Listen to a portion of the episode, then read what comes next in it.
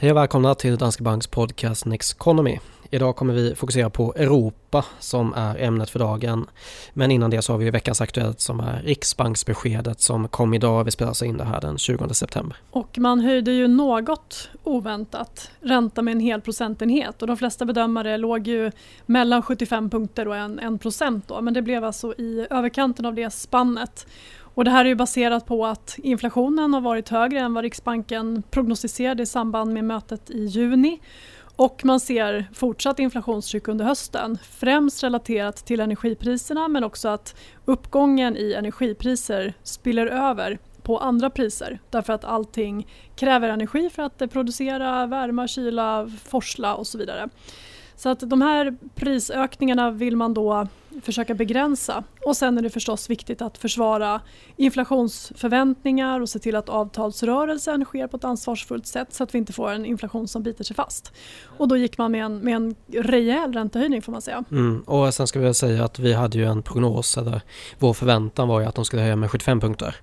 Och det var egentligen både för att inflationen och inflationsförväntningarna inte var så oroväckande ändå så att det kanske skulle behövas de här 1 procenten var ju i alla fall vår förväntan men eh, som sagt alltså marknaden prisar ju det här 50-50 och eh, som de var inne på då Riksbanken att det gäller någonstans att ta i lite extra nu i början för annars så kommer inflationens effekter, alltså de kommer bli värre om man inte tar i mycket från början. Ja. Och sen som det, alltså man måste ju också, det här just förtroendet för inflationsmålet är väldigt viktigt och det var något som Ingves eh, tryckte på också.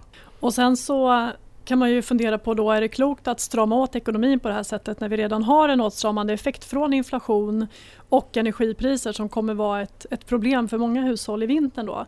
Men man ser ju ändå att problemet med om, om inflationen biter sig fast det är ju att företag och hushåll får svårare att planera sina framtida utgifter. Och det som kan hända då det är ju att hushållen drar ner på konsumtionen i förebyggande syfte för att man vet inte vad kostnaden blir framöver. Och företag skjuter på investeringar. Och det är då mer negativt för svensk ekonomi och tillväxt och även för arbetsmarknaden.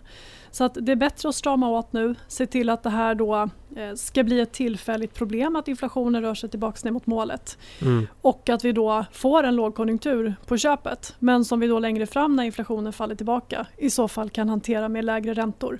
Men det är ju en senare fråga för här och nu handlar det om räntehöjningar Eh, och man skruvar ju också upp då den högsta nivån för reporäntan som man ser framför sig. Så att nu är den 2,5 procent under 2023 och den ligger kvar där då enligt Riksbankens prognos under stora delar av 2024. Mm. Sen är ju den här typen av långa prognoser behäftade med osäkerhet och det är de ju i vanliga fall. Men kanske särskilt nu när det är så många olika faktorer som spelar en avgörande roll för utvecklingen. Ja, alltså Riksbankens räntebana har väl kanske inte varit den bästa att följa om man vill ha, eh, om man vill ha exakta prognoser historiskt heller. Eh, och det är ju såklart svårt att göra prognoser om inflationen. Det är kanske bland det svåraste man kan göra. Ja, inflationen är svår och speciellt när den beror på saker som eh, covid, eh, nedstängningar i Kina som påverkar globala leveranskedjor, ett oväntat anfallskrig mot ett europeiskt land så att det har ju varit många saker nu som man i ärlighetens namn eh, kan tycka att det är helt okej okay att misslyckas med att förutse. Sen har nog centralbankerna varit lite senare på pucken och jag tror att det finns många centralbankschefer där ute som önskar att man tidigare hade sett att det här skulle kunna bli ett större problem än man först trodde och började höja tidigare. Och nu får man då ta i rejält här och mm. nu istället för att, så att säga, komma ikapp och se till att penningpolitiken blir åtstramande istället exakt. för expansiv. Ja, och kanske ännu mer i USA där man börjar se en bredare inflation. Nu är det ju mycket både då energi och matpriser som påverkar Europa och eh, Sverige men då är ju frågan också vad som händer på imorgon, onsdag, alltså när Fed kommer med besked. Eh, Ingves pratade ändå om att centralbankerna gör det här tillsammans, den här typen av beslut, så kan man fråga sig om eh, Ingves och Powell har snackat ihop sig så att det blir 1% i USA också. Ja, de har nog inte snackat ihop sig om beskedet som sådant tror jag, men man får väl ändå konstatera att även i USA då så finns det ju saker som talar för ett fortsatt högt inflationstryck och då är det ju bland annat stigande löner. Vi hade inflationssiffror nu för augusti som överraskade på uppsidan återigen och då var det ju framförallt kärninflationen som var oroande som ökade betydligt mer än väntat i månadstakt och där man ser de här breda prisökningarna på både varor och tjänster. Så att Fed har ju definitivt ett större problem men å andra sidan så har man redan kommit längre i räntehöjningscykeln också än vad både Riksbanken och ECB har gjort. Så att de, ehm, de, de har kommit längre. Ehm, men återigen, problemet eh, kan vara större där. Sen finns det också, vi har ju varit inne på det tidigare också, men det är skillnader på vad inflationen beror på i USA och i Europa. Så att medan vi har den här höga efterfrågan efter pandemin i USA där hushållen då har fått checkar, mycket pengar att spendera, högt sparande så har vi i Europa en utbudschock där vi inte får tag på gas potentiellt i vinter och eh, där det då har ledit till skenande energipriser. Mm. Så att det finns lite olika skäl och vi kommer ju bena lite i det under podden idag när vi pratar om eh, den europeiska marknaden. Mm. Bra, och innan vi gör det så ska vi gå in på veckans fråga och den har vi också varit inne lite på nu då, men det är vad är de största riskerna just nu? Och vi har ju en del kring det här med inflation såklart och vi har Kina som också har varit en risk under året. Vi har eh, USA och Kina som också såklart den där konflikten och eh, energikris och eh, recession är ju också en sån. Så vad, vad, är de största riskerna om man, om man skulle försöka bena ner det lite till de en eller två eller tre kanske största riskerna just nu? Då? Jag skulle ändå vilja peka fortsatt på att inflationen är och förblir, förblir en risk därför att den är så tätt kopplad till utvecklingen för penningpolitiken. Och den i sin tur är ju det som kan göra att vi faktiskt hamnar i en lågkonjunktur under nästa år. Så att de här sakerna hänger väldigt tydligt ihop. Och det faktum att inflationen fortfarande överraskar med att vara hög, att den blir bredare, inte bara i USA utan vi har ju faktiskt sett prisökningar på andra varor även för svensk och europeisk del också. Det gör ju att det här är någonting som kommer vara väldigt styrande jag tror att det kommer vara stor fokus fortfarande på enskilda inflationssiffror, framförallt i USA då. Men sen blir det penningpolitiken då. Hur högt kommer centralbankerna att behöva höja styrräntorna? Hur höga kommer korta och långa räntor att bli och vilken konsekvens får det för bostadsmarknader vilket kan påverka hushållens eh, vilja att konsumera. Ehm, så det där är ju superviktigt. Men sen så om man då tittar på Europa specifikt också så har vi ju energikrisen och risken som finns att vi faktiskt kommer få ransonera vår energianvändning i vinter. Och det kan ju bli tufft för hushållen som också kommer se sjunkande reallöner på grund av det här. Men dessutom så kan det ju faktiskt innebära att industrin som är en väldigt stor del av Europas BNP och även på den europeiska börsen den kan ju faktiskt komma att stå still i perioder därför att man inte har antingen råd att köra, det lönar sig inte, eller därför att man inte har tillgång till energi på grund av ransoneringar. Så det här är ju ett specifikt problem för Europa men det, det, ska inte underskattas hur pass tuff den här vintern kan bli. Och tyvärr är det hur mycket vädret också som avgör och hur lång vintern blir som kommer bestämma hur mycket, mycket gas och el och, och energi vi gör av med. Mm. Och det kan vi ju tyvärr inte förutspå. Nej. Vi försöker göra prognoser för mycket här i podden men inte för vädret i Europa i vinter. Nej. Och eh, som sagt det här är några risker framöver och inflationen är ju klart en stor sån då. Men det man ska komma ihåg också och vi kommer mer till det senare i avsnittet med veckans studie. Men alltså den här typen av osäkerhet i det korta perspektivet och risker det finns ju alltid. Och man ska inte fastna för mycket i dem utan det är det jag tänker långsiktigt. Mm. Så, och det här var ju, alltså det här är ju en fråga som kommer just nu när det är väldigt, ja det, det, känns som att det är mycket som händer. Då vill man snarare veta om vad som är riskerna än vad som är nästa bästa köptips kanske. Mm. Under 2021 så var det mera den typen av frågor man fick. Mm. Ja, men när det rör sig mycket på marknaden så tenderar ju intresset att öka och då är ju antingen intresset när det går upp då för att köpa eller intresset för att, att man kanske ska sälja och huruvida man ska försöka lämna marknaden när det går ner. Så det här det gör ju liksom att det, det är många som är intresserade och i Sverige så har vi ett väldigt stort sparande också. Det är många som äger både enskilda aktier men också som sparar i fonder både till pensionen och annat. Så det här är någonting som de allra flesta svenskar i arbetsför ålder märker av mer eller mindre direkt. Mm. Bra, men då går vi vidare och pratar mera om Europa specifikt. Och och eh, ja, du, du var inne på det tidigare men vi har ju det här problemet såklart med energipriserna. Det är stort. Sen har vi sjunkande tillväxt i Europa, sjunkande efterfrågan, nya order, eh, minskar den komponenten av PMI och sen också konsumentsentiment som är historiskt eh, svagt just nu. Så ja, vad, vad har vi mer att säga om Europa och eh, hur, hur läget ser ut nu och framöver? Till att börja med då om man tittar på tillväxtindikatorer som PMI som du är inne på så har ju PMI då som indikerar takten i, i ekonomin, i tillväxten i ekonomin fallit ner under 50-strecket vilket ju innebär att vi har haft en negativ tillväxt i Europa de två senaste månaderna. och sannolikt då för tredje månaden när vi får siffror för september här eh, mer definitivt. Och det där eh, är ju ett problem som riskerar att bli värre under vintern just på grund av energikrisen, på grund av att hushållen kommer ha mindre pengar att röra sig med därför att löneökningarna motsvarar inte på något sätt de kostnadsökningar som man ser just nu.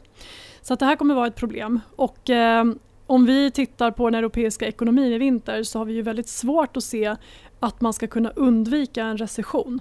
Utan en, en recession känns mer eller mindre eh, oundviklig för europeisk del. Sen är ju frågan hur lång och hur djup den blir och det kommer ju avgöras dels av vädret som vi var inne på tidigare därför att det avgör ju i sin tur huruvida vi kommer få brist på energi eller inte.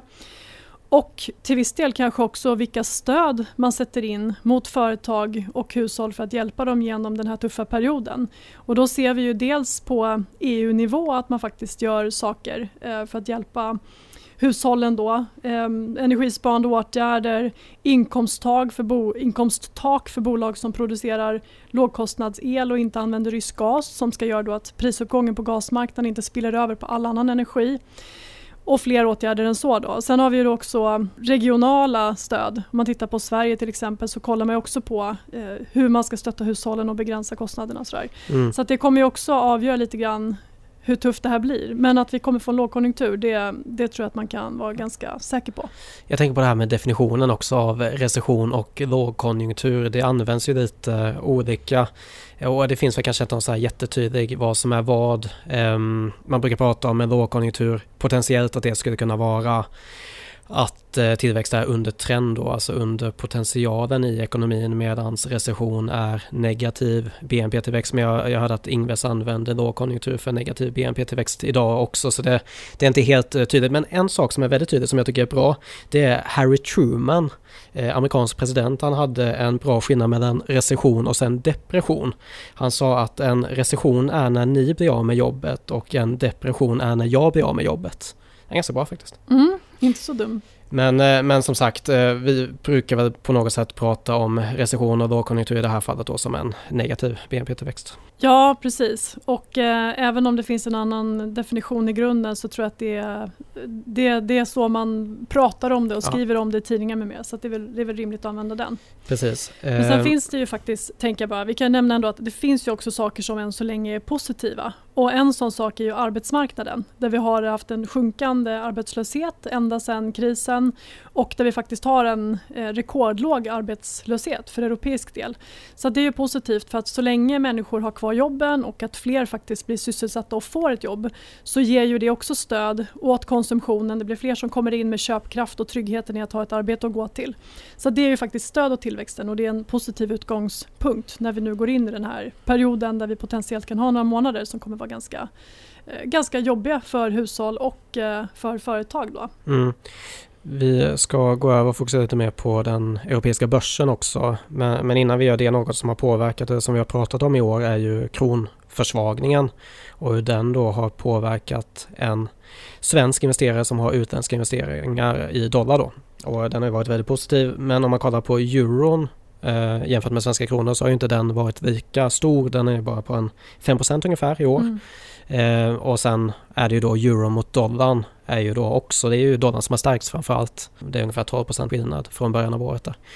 Eh, men vad får det för effekter om man kollar på, alltså jag tänker på europeisk ekonomi, man då har en svagare euro eh, jämfört med dollarn. Det kan ju också vara inflationsdrivande tänker jag. Ja, och det, det där blir ju lite av ett tvegat svärd och det blir det även för svensk del. Därför att när vår egen valuta försvagas, oavsett om det är kronan eller euron då, så är det så att vi importerar ju mycket varor från utlandet och mycket av importen sker i dollar. Och när importen då blir dyr så blir ju det någonting som höjer inflationen vilket skapar ytterligare problem för centralbankerna då när de stramar åt. Men sen så finns det ju positiva aspekter också. Det är ju att den utländska efterfrågan kan ju öka på våra varor när de blir billigare för en, en utländsk köpare som har en stark valuta som dollar då till exempel. Så att vår konkurrenskraft när vår krona eller euro är svag ökar.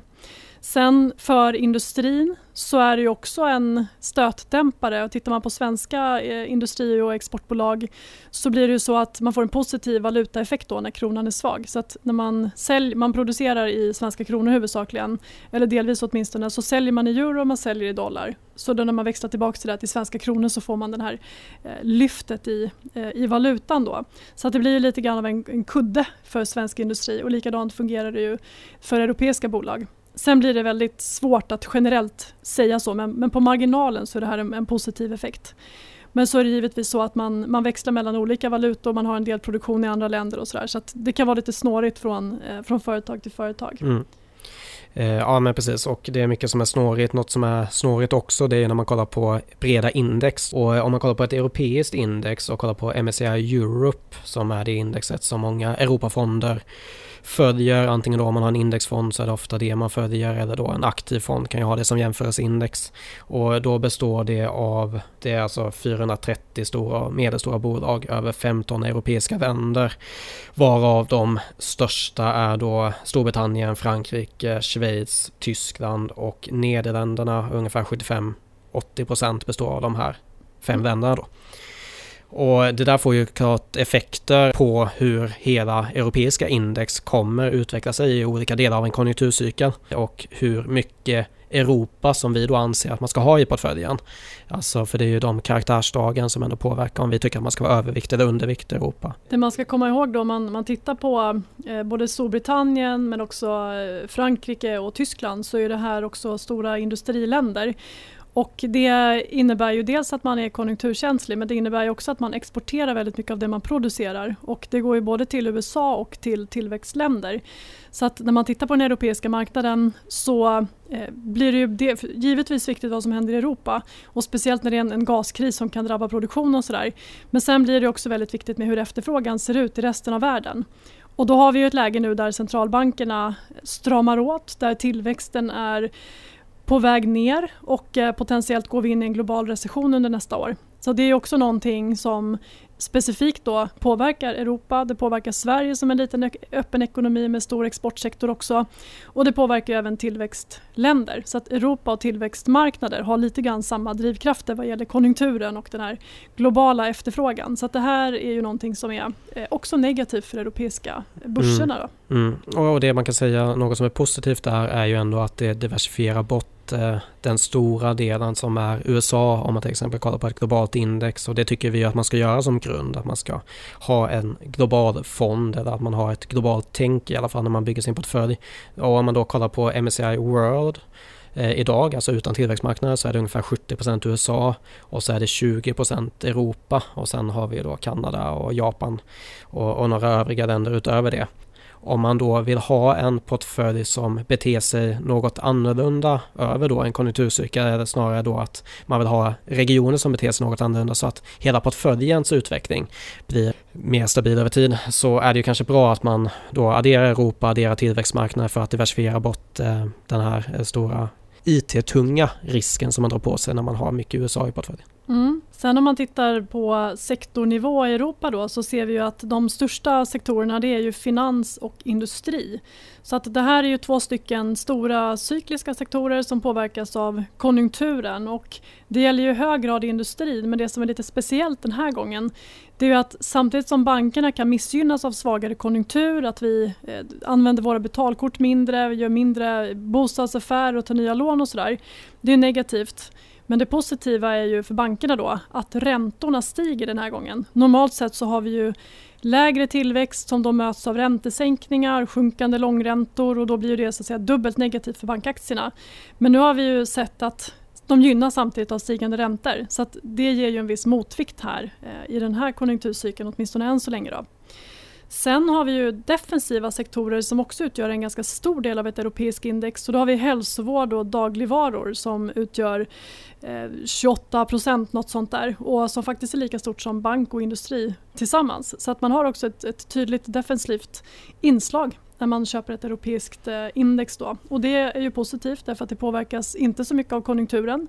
Låg volatilitet i, i vinsterna och det här är varor som vi köper oavsett om det går bra eller dåligt. Mat och medicin måste vi ha ändå. Sen kanske vi substituerar vissa varor för andra men Ehm, men mer eller mindre så är det saker som vi fortsätter konsumera i oförändrad styrka. Ja, precis. Och eh, jag bara tänkte på det, för om man kollar på hur det har sett ut historiskt så alltså de vanligaste faserna som man är inne i det är egentligen då en avmattningsfas eller expansionsfas.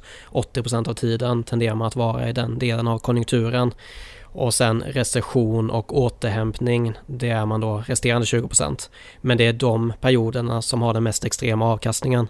Så recession har den mest negativa avkastningen historiskt och då återhämtning har den mest positiva avkastningen.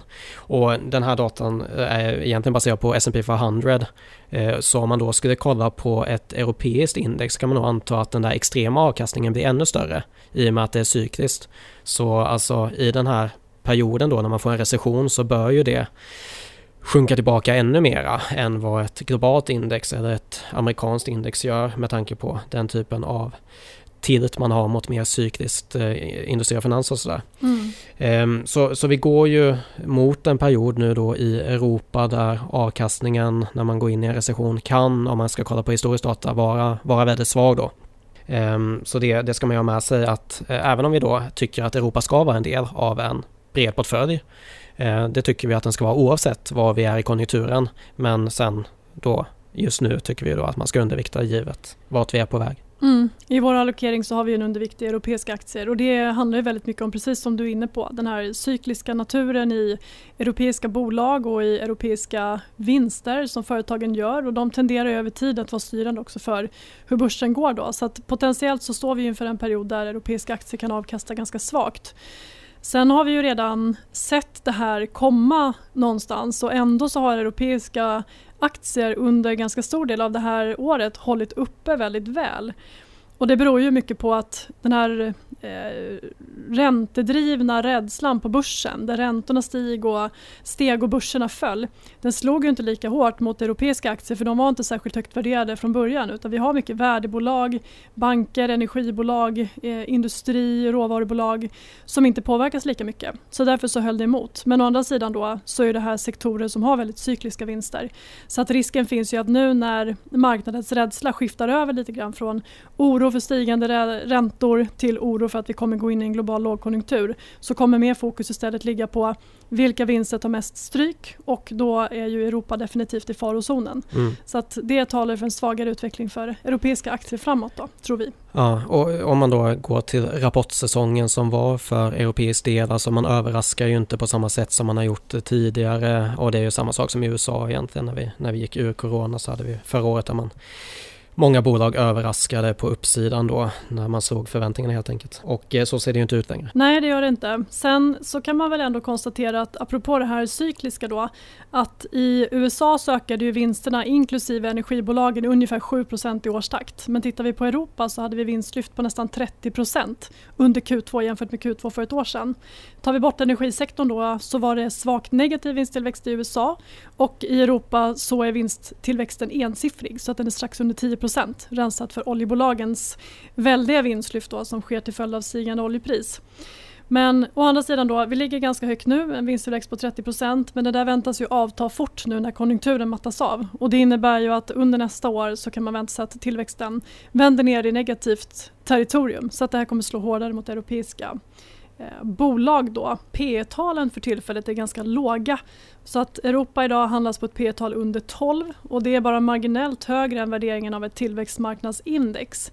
Så att spontant så kan det ju se ut som att Europa är ganska billigt. Men där reflekterar ju också de här svaga marknadsutsikterna som vi har till följd av energikrisen och svagare global konjunktur. Så att blir inte vinsterna så höga som marknaden förväntar sig, ja då kommer inte Europa se lika billigt ut längre. Och det som talar också för att vinsterna för tillfället ser lite för höga ut det är ju att analytikerna när det sker ett skifte antingen från en lågkonjunktur till att tillväxten accelererar eller som nu då där vi går från ett, ett läge där tillväxten ändå varit positiv till att den kommer vara fallande då tenderar analytikerna med att släpa med att justera estimaten. Så att det dröjer helt enkelt lite grann innan det där speglas i förväntningarna. Och mm. eh, det finns väl ganska mycket som talar för att det kan vara ett sånt läge just nu där det inte slagit igenom riktigt. Ja, och vi kommer ha ett värderingsavsnitt här framöver. Det kan bli nästa avsnitt till och med och eh, där ska vi fördjupa oss lite mer i det här med värderingar. Mm. Eh, men innan det så avslutar vi det här avsnittet, det kan vara bra att börja med det och eh, då ska vi avsluta med veckans studie. Ja, vad spännande. Den heter Ambiguity and Investor Behavior och är från i år, alltså 2022. Och eh, man studerar alltså hur osäkerhet påverkar investerare. Och då kollar man på 100 000 investerare hos en nätmäklare i Tyskland mellan 2010 till 2015. Och man gör också en uppdelning mellan risk och osäkerhet för man vill alltså veta osäkerhetens effekt, inte hur ökad risk eller kurssvängningar påverkar investerare, utan det är osäkerheten som är i fokus. Då. Eh, så risk menar man då är när framtida utfall är okända, men de potentiella utfallen är kända, medan osäkerhet är om även de potentiella utfallen är okända. Så säg att man förväntas få en avkastning de kommande åren, kommande tio åren på 5-10% per år. Men så, ja, då är ju risken att man bara får 5% i avkastning, det skulle vara en risk. Ehm, men vid osäkerhet så vet man alltså inte vad avkastningen kan förväntas bli de kommande tio åren. Så det är det som blir skillnaden, ganska simpelt exempel men på ett ungefär. Och det är ju då ganska känt att investerare ogillar osäkerhet. Det har vi ju sett på, på bara i år med alltså invasionen av Ukraina och tidigare under corona också. Man vill alltså veta på ett ungefär vilka utfall man kan förvänta sig. Gör man inte det så tenderar man att ta mindre risk med sina pengar. Och för att mäta osäkerheten så kollar man då på Vistox som är europeiska motsvarigheten till VIX. Men man kollar inte direkt på VIXen då utan man kollar på VIVIX. Och VIX mäter ju då den förväntade risken de kommande 30 dagarna medan VIVIX mäter hur VIXen förväntas röra sig de kommande 30 dagarna. Så om det finns ett stort alltså urval av potentiella utfall för VIXen så tyder det på att investerare är mer osäkra kring framtiden. Det här är alltså ett sätt att då mäta osäkerheten istället för att bara mäta kurssvängningarna. Och eh, då kollar man då på hur investerare har agerat i portföljerna när den här osäkerheten har ökat. Om man då minskar andelen aktier eller om man minskar andelen riskfyllda aktier, om man loggar in mer på depån, om man gör fler transaktioner. Och en annan intressant sak som är ganska naturlig och som tidigare studier har visat också, det är att i början av en händelse, då ökar ju det här såklart, då är man som mest osäker. Men sen, även om osäkerheten består, så kommer osäkerheten, den upplevda osäkerheten bland investerare minska efter ett tag. Så alltså coronautbrottet eller invasionen av Ukraina, till en början väldigt stor osäkerhet, upplevd osäkerhet och efter ett tag så minskar den då när tiden har gått. Och resultatet i studien är ju då att ja, inte helt oväntat, att när osäkerheten ökar så leder det till att man går in oftare på depån, man gör fler transaktioner och man minskar risken i portföljen. Och en slutsats i studien och det man ville komma fram till i princip, det är ju att investerare påverkas mer av osäkerhet än av ökad risk, alltså av ökade kurssvängningar. Så det är framförallt osäkerheten som påverkar investerare mest. Och det här är ju egentligen ännu en påminnelse eh, om att man inte ska agera när det känns som att man borde agera. Så när du upplever att osäkerheten ökar så är det ju bara att vänta på att din upplevda osäkerhet ska minska igen i princip. Så gör inget förhastat i den här typen av osäkra lägen. Ha is i magen. Ja men verkligen. Och, det men, blir lite det. Ja, och eh, för man kan ju se det i, alltså covid var ett jättebra exempel på det och eh, invasionen av Ukraina också. Det är väldigt svårt, alltså det finns så många potentiella utfall av en sån stor händelse. Och där är ju osäkerheten är på topp och då är det ju aktiviteten ökar bland investerare, man minskar ofta risken och sådär. Men som sagt, det är den där typen av situationer som man, man ska sitta still. Mm. Och det är ju faktiskt så att de allra flesta sparar ju på lång sikt huvudsakligen. Så att det är inte så många som spekulerar med majoriteten av sitt kapital utan ofta blir man rädd om allt från sitt pensionssparande till månadssparandet som man planerar att ha på börsen under en, en ganska lång framtid. Och att då börja reagera på att Ryssland går in i Ukraina eller att vi får eh, covid-19 som bryter ut eller som nu räntorna stiger och centralbankerna stramar åt och egentligen då normaliserar räntorna det är ju ingenting som ska styra vad du gör med ditt pensionssparande som du ska ha om 10, 15, 20 år. Därför att det kommer spela väldigt, väldigt liten roll för din långsiktiga avkastning och sannolikheten att du lyckas då tajma detta, sälja och sen komma in billigare, den är extremt liten.